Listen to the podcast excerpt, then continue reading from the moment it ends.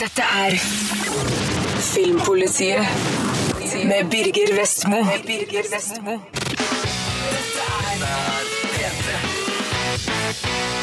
Her i Filmpolitiet skal premierefilmen John Carter anmeldes. Our world is under attack, John Carter. That don't look like a fair fight. And Earth is next. Will you stay, fight for us? Get on. John Carter er kanskje all superhelters far. Edgar Rice Burroughs skrev den første historien om han allerede i 1912, samme år som han skapte Tarzan, og tilla han egenskaper som en lang rekke superhelter har kopiert siden. Først nå, 100 år senere, får John Carter sin egen film, og det er ironisk å konstatere at han ligner alle sine etterkommere. Filmen er et underholdende lappeteppe av alle mulige superheltreferanser, men er et flott actioneventyr det virkelig er verdt å få fortalt. Who is that? Sørstatssoldaten John Carter, spilt av Taylor Kitsch, blir på mystisk vis transportert til Mars, som viser seg å være befolka av både mennesker og andre merkelige vesener. Carter oppdager at planeten som de innfødte kaller Barsum, har lavere gravitasjon, noe som gir han superkrefter. Det kommer godt med når han snubler midt oppi en krig mellom byene Helium og Sodanga. Carter skal vise seg å bli en viktig brikke i maktkampen, sammen med Deya Torres, spilt av Lynn Collins, prinsesse av helium. You are John Carter of Earth? Yes, ma'am. Jeg har ikke lest John Carter-bøkene, men en tegneserieversjon av den første boka var en viktig del av barndommen min. For meg virker det som om regissør Andrew Stanton virkelig har greid å fange inn følelsen av det store eventyret i filmen. Dan Mindels foto har en fargeskala som får meg til å tenke på klassiske Technicolor-filmer. Michael Giacchino har komponert episk eventyrmusikk med temaer som vekker assosiasjoner til klassisk filmmusikk fra både Maurice Jarre og John Barry. Skalaen er enorm, actionsekvensene er feiende flotte, og figurene balanserer hårfint på grensa mellom å være kule og latterlige. You are ugly, but you are beautiful. You will fight for us! Taylor Kitsch har det riktige utseendet som John Carter og er troverdig som superhelt, men jeg skulle ønske han hadde litt mer sjarm. Han er altså en sørstatssoldat, men mangler appellen til f.eks. Stephen Moyer som Bill Compton i True Blood. Han duger likevel. Lynn Collins imponerer som Daya Torres, og makter å bli en av de tøffeste og kuleste eventyrprinsessene på film siden Leia. Ellers er rollene besatt av solide navn som Kieran Hines, Dominic West, James Purefoy, Mark Strong og Bryan Cranston. De animerte figurene har stemmene til William Dafoe, Samantha Morton, Thomas Hayden Church og Polly Walker. Klart det blir bra med slike navn på rollelista. John Carter er filma som de store eventyrfilmene fra gamle dager, bare med bedre effekter. Det her er for all del ingen film å ta på blodig alvor, den må ikke gjennomanalyseres, men jeg syns det her er fantastisk, herlig kinosnadder, vidunderlig eskapisme, og er en tøff start på det jeg virkelig håper blir en serie John Carter-filmer. Det fins mange flere historier å filmatisere.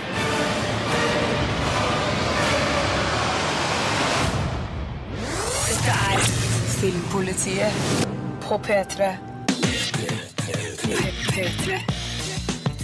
Regissør Andrew Stanton har vunnet Oscar for animasjonsfilmene Oppdrag Nemo og Wall-E.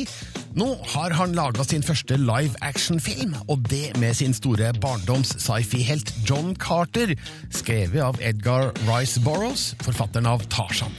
Filmpolitiet har møtt mannen som spiller filmens slemme tyrann, Dominic West, kjent fra The Wire, og regissør Andrew Stanton sjøl. When I was about uh, 11 years old, uh, I was I, I always drew all the time, and, and uh, my best friend drew as well. And I was over his house, and his brothers drew, and they were drawing these creatures with four arms and tusks. And I was like, "What are those?" And they said, "Oh, those are Tharks. They come from these comic books." And they just made a comic book series based on the books. And that led me, and I, I ate up all those comic books, and then I went straight to the book. The first book of this of these 11 books was *The Princess of Mars*.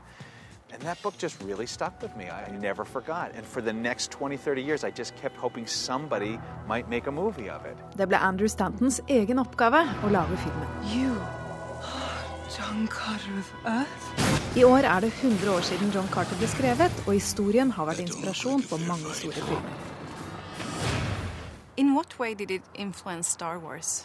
Well, there's this sense of another world, a desert planet, and a desire for winning the heart of a princess from another planet. That th- those are really the biggest common things. There's a little bit of terminology every once in a while that you hear. Jeddak was what you always called a king in the books. And the word Jedi sounds very similar. So the, the nice thing is, is that you could watch Star Wars, you could watch Avatar, and they're not the same movies. And neither is John Carter from them. It- it- nobody ever did the details and the specifics and the narratives of literally that book. Um, so that's the nice thing is that they can all live together. The one who jumps? Let's see what he's capable of. Dominic West, kjent som McNulty fra The Wire og fra filmen 300, skjønner hvorfor John Carter har vært en stor innflytelse på litteratur og film. I think it was probably the first science fiction that was written. B- We knew that there were other planets out there. I suppose we've known that for a while, but we, we speculated about what those planets might be going on in those planets, and, and that's something that is always fascinating to, to everybody. I think that um, that we occupy a tiny corner of this enormous universe, and what the hell's out there. Dominic West spiller planetens grusomme tyrann. I was wondering how you approached uh, playing a, like a villain. Well, I suppose you're not really thinking of him in terms of a villain. You're thinking in terms of him as what does he want and what is there about him that strikes a chord with me. And and um, what struck a chord was um, was the sense that okay, he wanted to kill everyone and take over the world, which is something that we can all relate to. Um, oh yeah. Do you have like a favorite element of this universe that? Well, I like the idea that if if you went to Mars or if you went to Barsoom or a or a planet where you could survive, that you might be um, you might have a, a superpower that you didn't have before, and, and and he obviously can leap through the air, which he couldn't do on Earth. And um, I thought that was really clever that he has a a superpower that gives him a sort of chance of a fair fight with the locals, and and um, and that he wasn't aware that he had before. When I saw you, I believed that something new can come into this world.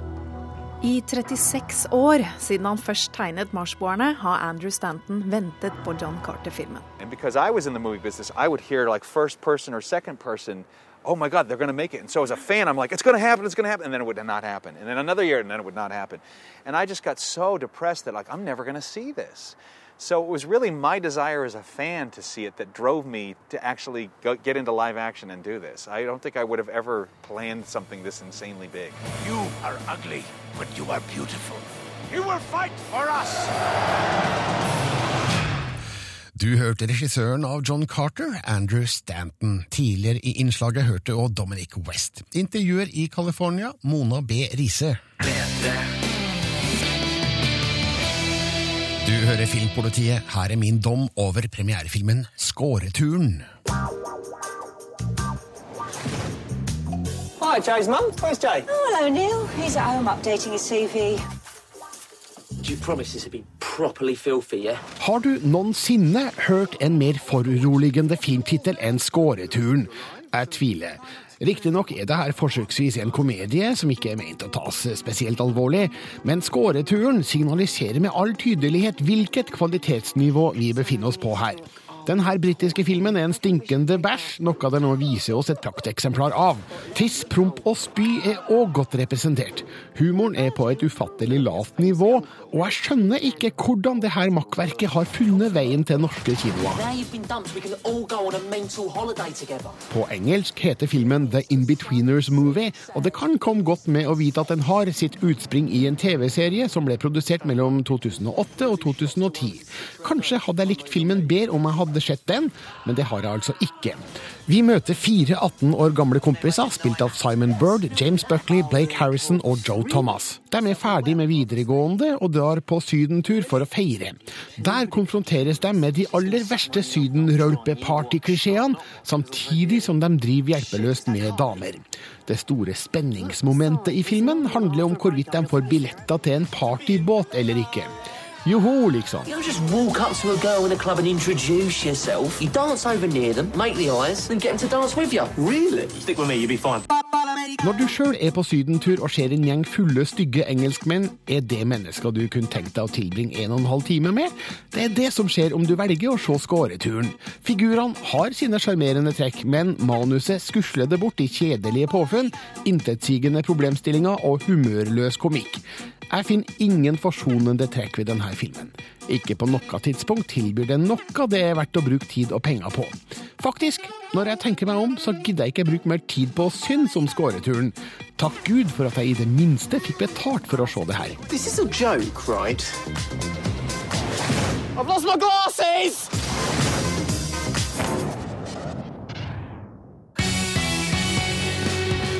Så skal vi snakke om dataspill her i Filmpolitiet. Mass Effect ble en gigantsuksess da det kom i 2007. Oppfølgeren Mass Effect 2 ble en kjempesuksess i 2010, og nå er det tredje og siste spillet i denne trilogien klar.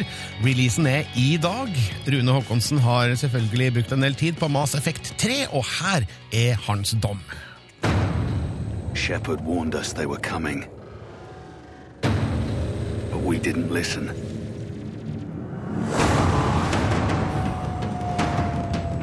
Fate of our world, of every world,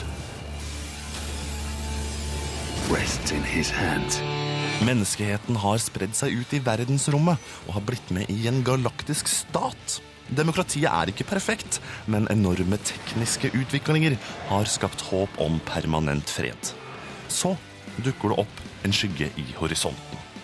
Skyggen blir snart en tåke som omslutter alle planeter i Melkeveien. En eldgammel maskinrase, The Reapers, renser og fjerner alt liv hvert 50 000 år. Og nå er de tilbake. Alt avhenger av deg, av kommandør Shepherd. We need a plan to stop them. We fight or we die. That's the plan. Mass Effect 3 er spennende, og historien er god. Men noen av figurene er uengasjerende, og teknisk krøll legger en demper på opplevelsen. Dessverre er det lite som gir meg følelsen av å være ett menneske mot det uendelige verdensrommet, som gir meg følelsen og tyngden av å være galaksens eneste håp. Til å begynne med. We need to stand together. The Reapers won't stop at Earth. They'll destroy every organic being in the galaxy if we don't find a way to stop them. Først prøver spillet å aktivere alle følelser med en gang, og får det ikke til. Noen sekvenser legger så mye opp til at du skal grine, at det like gjerne kunne stått på skjermen 'aktiver tårekanalen'. Men etter flere timer strammes fortellingen inn. Jeg begynner å se forbi noen av de irriterende nye figurene som er kommet om bord på skipet Normandy. Hva gjør f.eks. den merkelige journalisten Diana Allers om bord, sånn egentlig? Jeg vet ikke. Men jeg gripes til slutt av de stadige rapportene om ødeleggende invasjoner på hjemplanetene til mine venner og kolleger, og jeg føler med dem når de forteller om det som skjer der hjemme. Det er når jeg er blitt kjent med dem om bord, og endelig har fått tilbake noen av de kjente figurene som jeg har møtt i tidligere spill, at følelsen slår meg. Seks timer inn i romeventyret var jeg endelig tilbake i rollen som Shepherd. Jeg var endelig Shepherd. Endelig skal jeg redde galaksen. Each of you needs to be willing to die. Anything less, and you're already dead. Si hva du vil om hvor viktig teknologi og visuelle effekter er i science fiction-spill. Det er de nære og menneskelige relasjonene og følelsene som engasjerer meg.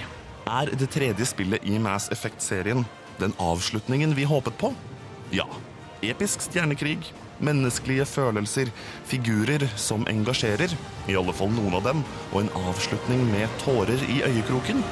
Ja, absolutt. Dette er Filmpolitiet på P3. Dette er P3. Du skal få min anmeldelse av premierefilmen Into the White. British officer and his airman. Our aircraft was shot down. I don't suppose there's any chance of a spot of tea. You're now officially prisoners of the Third Reich. Into the White er basert på virkelige hendelser, og jeg skjønner godt hvorfor det her måtte bli en film. Den har mange ingredienser til et solid drama, med god nerve og markant utvikling av figurene fra start til slutt.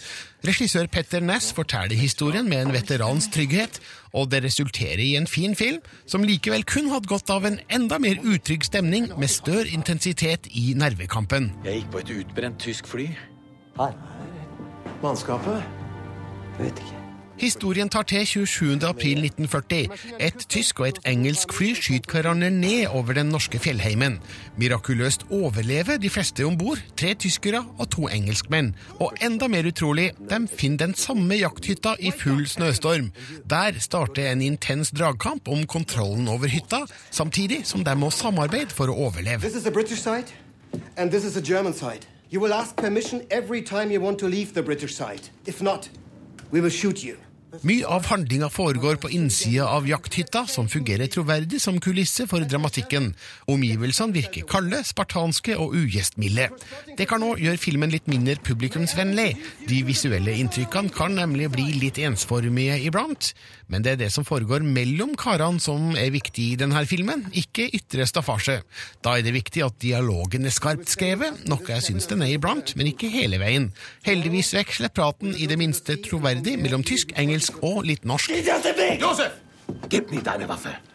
Petter Næss har funnet fem forskjellige skuespillere med hver sin markante personlighet. Florian Lucas er den bestemte tyske offiseren, David Cross er den redde mekanikeren, mens Stig-Henrik Hoff er god som den stillfarne navigatøren. Lachlan Nebor er troverdig som sjølsikker britisk overklasseoffiser, mens Rupert Grint viser en større rekkevidde som skuespiller i rollen som skytter enn han fikk anledning til i Harry Potter-filmene. Into the White har sine beste scener når fiendene etter hvert begynner å se på hverandre med et mindre fiendtlig blikk. Mistroen viker for gjensidig respekt. Denne gradvise tilnærminga er godt skildra av Ness, som gir historien pusterom for nyanser. Så filmen holder begivenhetene interessante nesten hele veien, sjøl om jeg kunne ønske en mer actionfylt innledning og en sterkere nerve mellom jakthyttas fire vegger.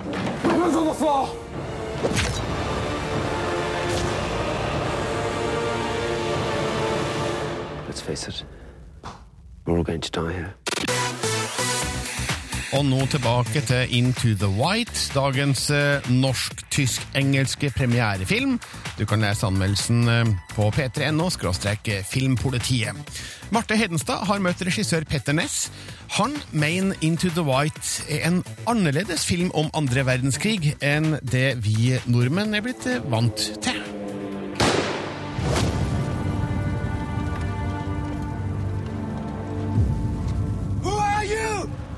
Officer and his airman. Our aircraft was shot down.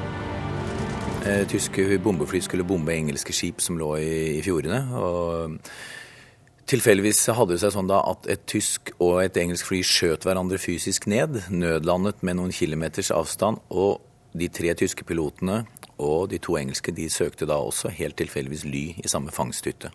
Og Der utspiller vår historie seg. Disse fem menneskene, to fiender, som tvinges inn i denne hytta i dårlig vær og uten mat og ved, og tvinges til å overleve der sammen, og prøver å unngå å bli venner.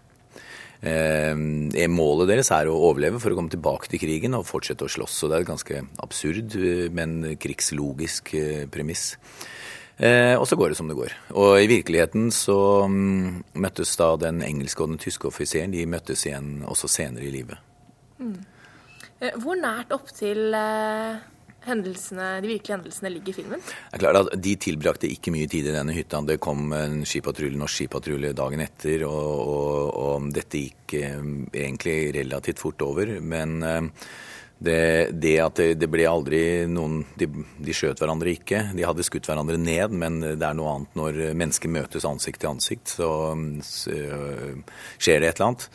Um, men vi har jo diktet, måtte tenkt oss hva ville skjedd hvis disse hadde vært her uten mat og uten ved og i skikkelig norsk drittvær i en fire døgns tid. Så har vi diktet. Og jeg har vært mye på hyttetur selv, så jeg har uh, tatt litt utgangspunkt i det. Vi, som kamerater så reiser vi jo gjerne opp på hytta og, og som venner, og så har vi en helg, og så krangler vi som bare det. Her prøver vi å lage en historie som går litt andre veien. Um, hvorfor er det her en eh, interessant historie å fortelle?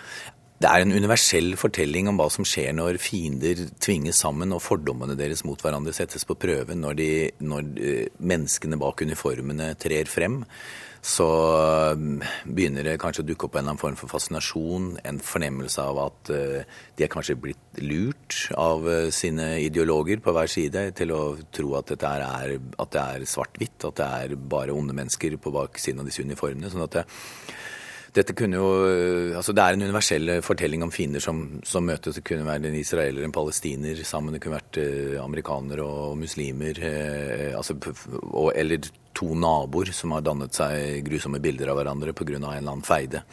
Så det er rett og slett en, en universell fortelling. Men det er fascinerende, for altså annen verdenskrig fascinerer. Og det er veldig Når du, når du viser et hakekors eh, og en tysk uniform, så er liksom på en måte konflikten satt opp med en gang. Du har, Det er noe gratis der, og så er det en engelskmann. Vi er jo vant til i norske krigsfilmer at det er nordmenn mot tyskerne, men andre perspektivet her er litt at nordmennene spiller en litt mer perifer eh, og sekundær rolle, og kommer inn i dette på et annet tidspunkt enn vi er vant til i norske filmer. Jeg la merke til uh, rulleteksten at uh, noe av innspillingen er gjort i Sverige. Ja. Hva er det som har gjort hvor? Eh, alt eksteriørt. Eh, vi bygde to hytter to forskjellige steder oppe på Strynefjellet, til, til dårlig vær enn til godvær. Så vi har da klippet og limt eh, natur og vær og filmet der oppe alt eksteriørt i tre uker. Og alt interiørt er skutt i et kjølelager på et jorde i Trollhättan i Sverige. Så alt du ser inni hytta er da inni et utrolig kjipt kjølelager. Støvete og kaldt. For å få frostånden og følelsen av kulde. Dessuten så er jo de uniformene de har på seg så sinnssykt varme at det måtte være kaldt. Var det noen utfordringer for deg som regissør eh, med tanke på eh, denne lille hytta eh, og den plassen de, befant seg i? Veldig. Altså, jeg har samme forhold til natur og fjell som fleste andre skuespillere og norske filmarbeidere. Jeg elsker å være ute og ha sinnssykt mye turtøy. Men um, utfordringen var rett og slett været. At det skifter absolutt hele tiden. Og det å holde en værkontinuitet i, i dette her, med vindmaskiner og røykmaskiner og snøkanoner og sånne ting som skal flyttes. Og, og naturen er alltid sterkest hele tiden. Eh, og tiden bare løper av gårde. Og du klar til, gjør klar til en godværsscene, og så bare skifter det. Og så, det, så må man vurdere skal vi da gjøre til drittværsscene, og så gjør man det. Og så akkurat det vi er klare, så skinner sola igjen. Sånn at du bare kjenner at nei, fader, nå bare løper tiden fra oss, vi får ikke tatt dette. Og vi skjøt denne filmen på seks uker. Tre uker på fjellet og tre uker i hytta. Og den hytta var trang. Var en, den døra du ser brukes der, det er den alt utstyret gikk ut og inn av. Eh, sånn at det var et tidspress uten like. En dag så var det så dårlig vær på settet at vi ble borte for hverandre på settet. Eh, det var helt whiteout, eh, og, det bare føyka og blåste, og vi hørte hverandre ikke når vi ropte til hverandre, ikke på walkietalkie engang. Og da elsket jo nordmennene å vise seg frem ikke sant, for utlendingene. At dette, nå begynner det å svinge, nå begynner det å bli gøy. Men da ble det avbrutt, for kameraet funka ikke, og det var bare rett og slett begynte å bli litt farlig. Men, men tøft. Litt kult. Fint. Tusen takk. Uh, then I will go over here. uh, if you can um, just introduce yourself to our listeners and tell me what's your role in the movie.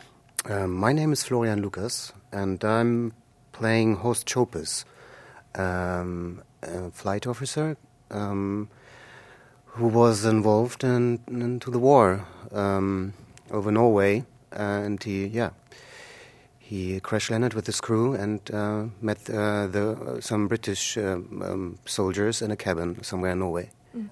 Uh, is he still alive? Uh, no, I, um, I, met him last year when we had the cross, uh, press conference in Oslo, but he passed away unfortunately in August last year. How was it meeting him? That was a great experience because he's a very polite and very, very. He was actually, a, of course, um, a very kind person and a very conservative, kind of old-fashioned German officer.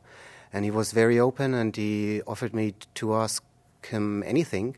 So that was a great, yeah, open conversation we had last year. Yeah. What did you ask him? Um, what I was um, thinking of was um, I, what, what what was hard to imagine was if you you know finish the battle and you meet uh, kind of yeah the enemy. So why don't you f- continue fighting? You know, why uh, why are you able to, to, to be polite and and in a kind in a way, yeah, kind in a way, and um, that was very interesting how how the behavior was uh, between officers uh, from different countries. So they were very, so they were kind of at the same level, and that was very interesting to understand. Yeah. Mm. How was it uh, filming in the Norwegian mountains? Uh, I went to Norway three years ago for holidays, and I yeah I was very happy to return to this area. And I love Norway. I, I love the country and the people, and it was great. And I love the mountains, so I enjoyed every day from the morning till the evening. Yeah. Even in the bad weather. I love bad weather, really, and I love the snow. We had a great time in in, uh, in Norway and and in, in the in, in Sweden on the cabin as well, in the studio, and we had a very nice, very professional crew, and we all supported each other. Yeah. Okay, David, uh, you are uh, the um, youngest. You play maybe the guy who's a bit naive, maybe uh, concerning the war. Definitely. what can you tell me about your role?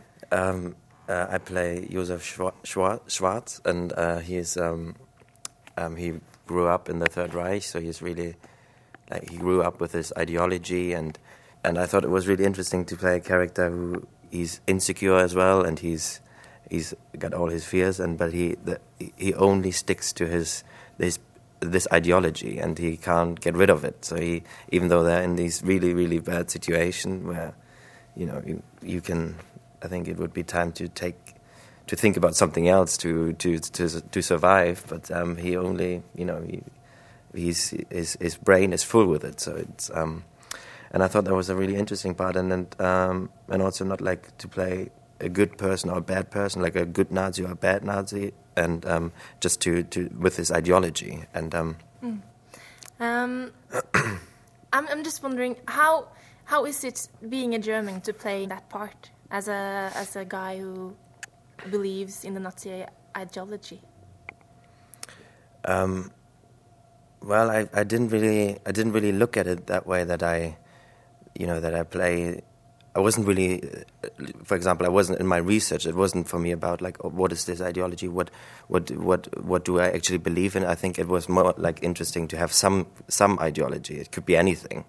It was, um, for example, the the the scene when when um, Rupert Grint's character, um, you know, um, destroys the book. Um, he d- destroys, I think, precisely chapter two, and and, and then it's like um, it wasn't. It was only interesting for me that you know this ideology. I mean, still nowadays, you can. So many people have these ideologies, and when you do something bad to it, and if you don't respect it in the way they see it, they go crazy. And um, I thought that was interesting. So it wasn't for me this special um, Nazi, Nazi Third Reich things, and it was the ideology thing. It, it's it's like his Bible. Yeah. He's got it, he's got uh, the, there's an answer to everything in there. Hitler can describe every situation he's in Yeah. when uh, goes through hardship. Oh, this is Hitler writes about this here. He's talking about us. Yeah. And uh, and uh, I'm not comparing uh, Mein Kampf to, to the Bible, but uh, but uh, it's you have a book and and and uh, describes uh, life, and it's it's easy. It's uh, like a bruksanvisning, som det heter på norsk.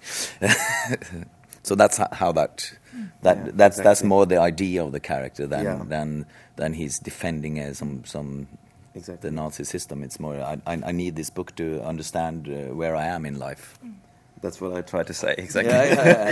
Yeah, yeah. I, I just like to. to I just. I. have Translate. I just like to talk. I just. no, but no, but you, but you put it in a much better way. Um, hvorfor skal folk eh, gå og se Into the White? Litt fordi jeg sa innledningsvis at det er en universell historie om fordommer som blir satt på en prøve. Dette er også en litt annen vinkling på en historie fra Norge under annen verdenskrig, hvor for en gangs skyld ikke nordmennene er helter. Det har vært mange flotte norske helter og heltehistorier her, men, og seierherrene forteller jo alltid eh, historien. Her er det et litt annet perspektiv, hvor nordmennene rett og slett eh, spiller en perifer rolle og til og med kommer som en slags trussel eh, utenifra. Så, og så er det veldig bra skuespillere. Eh, Det er et intenst og fint kammerspill i eh, spektakulære og vakre omgivelser. Både brutalt og, postkortaktig.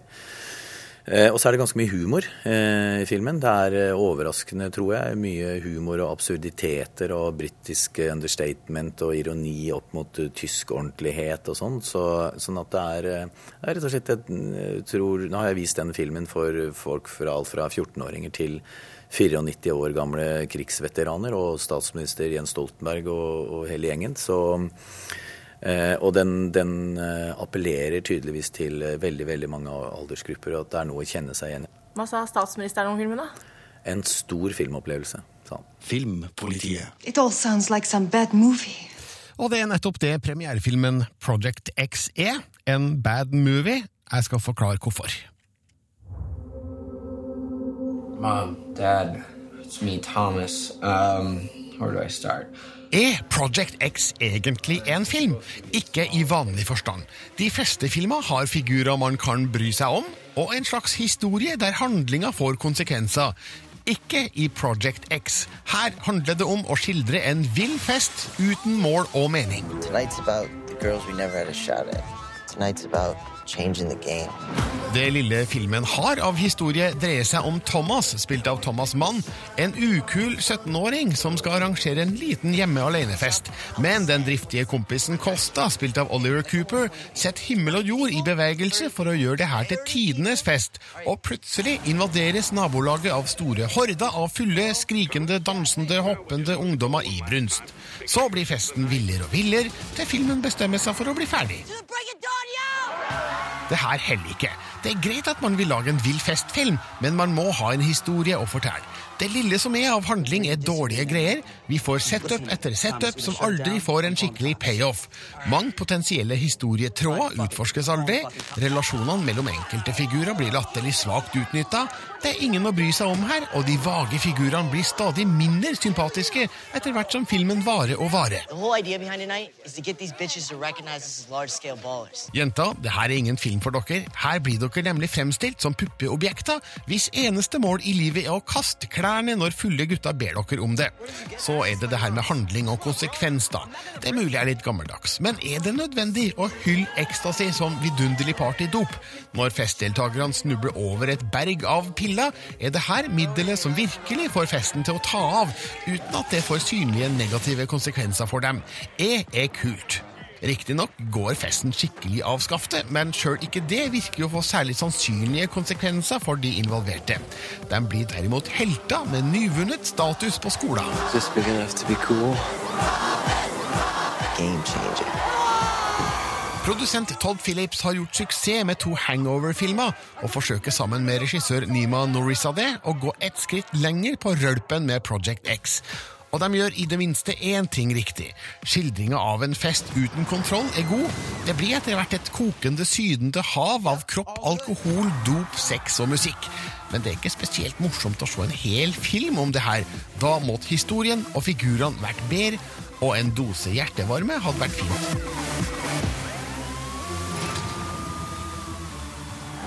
Dette er Filmpolitiet på P3. Og alt jeg sa nå kan du lese og høre og se på p3.no skråtek Filmpolitiet, og du kan også kommentere anmeldelsen. Eh, Jeg ser at signaturen Frank KN eh, mener at eh, det at jeg reagerer på at filmen tilsynelatende hyller ecstasy, at det er så politisk korrekt. Hva syns du? Gå inn på p3.no skråtek Filmpolitiet og si din mening om Project X.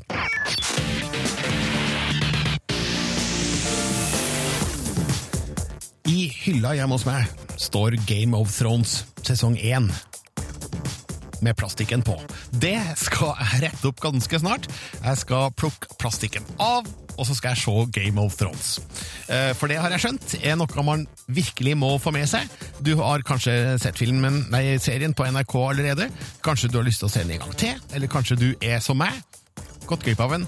Nå er Game of Thrones sesong 1 ut på Blu-ray og DVD. Her er Torfinn Borchhus med sin anmeldelse av eh, første sesong. I, Eddard, the House Stark, Lord of Winterfell and Warden of the North, sentence you to die. Game of Thrones er en fantastisk serie. Den som vil beskrive Game of Thrones for en annen person, bruker kanskje Ringenes herre som referanse. Og det er ikke så dumt. Ringenes herre er en ti år gammel filmtrilogi, og var det beste som hadde skjedd fantasy-sjangeren på den tida. Game of Thrones er det beste som har skjedd fantasy-sjangeren siden. The man who passes the sentence should swing the sword. Plassen er Vesterås, et kontinent som kanskje kan beskrives som et langstrakt Storbritannia, der nordspissen er dekt av en evig vinter som trolig strekker seg helt til Nordpolen. Her har ei mur stått i tusenvis av år for å beskytte resten av landet mot skrekkelige vesener ifra nord. Sørspissen av Vesterås består av stein og ørken og strekker seg østover mot nabokontinentet Essos. I Vesterås kan vintrene være en manns alder og somrene flere tiår, som det skrives. Og idet HBO-serien begynner, kommer det urovekkende beskjeder fra isødet i nord om at de andre, overnaturlige skapninger og menneskene sine fiender nok en gang har blitt observert. I tillegg kommer meldinger fra øst om at gjenlevende ættinger av en avsatt konge har planer om å ta igjen makta, og mer til. Lord Eddard Stark, I would name you the Hand of the King. I have no choice. That's what you tell your family. Tell yourselves. That's what men always say when honor calls. Ingenting i Game of Thrones er kjedelig. Og det er ei bragd i seg sjøl, så mye som det er å følge med på i Vesterås sju kongeriker. Landet befolkes av mennesker, dyr og andre vesener i en slags middelaldertid som er typisk for fantasy-sjangeren, og sjangeren tror foregår det òg en konstant maktkamp om herredømme over hele Vesterås. Maktkampen foregår mellom de forskjellige adelsfamiliene, og kampen står om å få sitte på jerntrona. Det er et sammensurium av motiver, strategier og intriger av stor underholdningsverdi. Den gåtefulle evenukkens lågmælte kviskring og den brautende kongens rop i fylla fascinerer sjøl den som har sett lignende før. Grunnen til serien sin umiddelbare appell er nok et solid skriftlig utgangspunkt i forfatter George R.R. Martin sine bøk A Song of Ice and Fire, men òg et lykkelig ekteskap mellom serieskapere og skuespillere som gjør at Game of Thrones går opp i den høyere enheten som enkelte glimrende TV-serier når. You might not have my name. You have my blood. Bastard boy with nothing to inherit.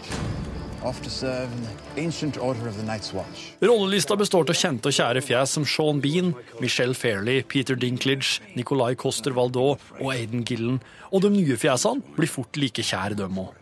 Spesielt så syns jeg Macy Williams som den gutaktige jenta Arya Stark, og Emilia Clarke som den vævre og osårlige Deneris Targaryen fortjener å trekkes fram.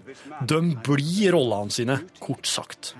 Og de er gode eksemplifiseringer på Game of Thrones sin suksess. Jeg har allerede kåra sesong én av Game of Thrones til den beste TV-serien i 2011, og det er derfor all mulig grunn til å investere i en DVD eller en Blu-ray.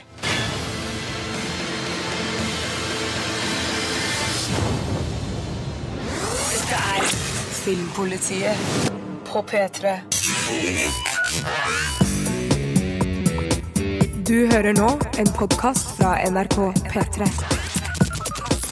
Hent flere podkaster fra NRK på nettsiden nrk.no podkast. NRK P3.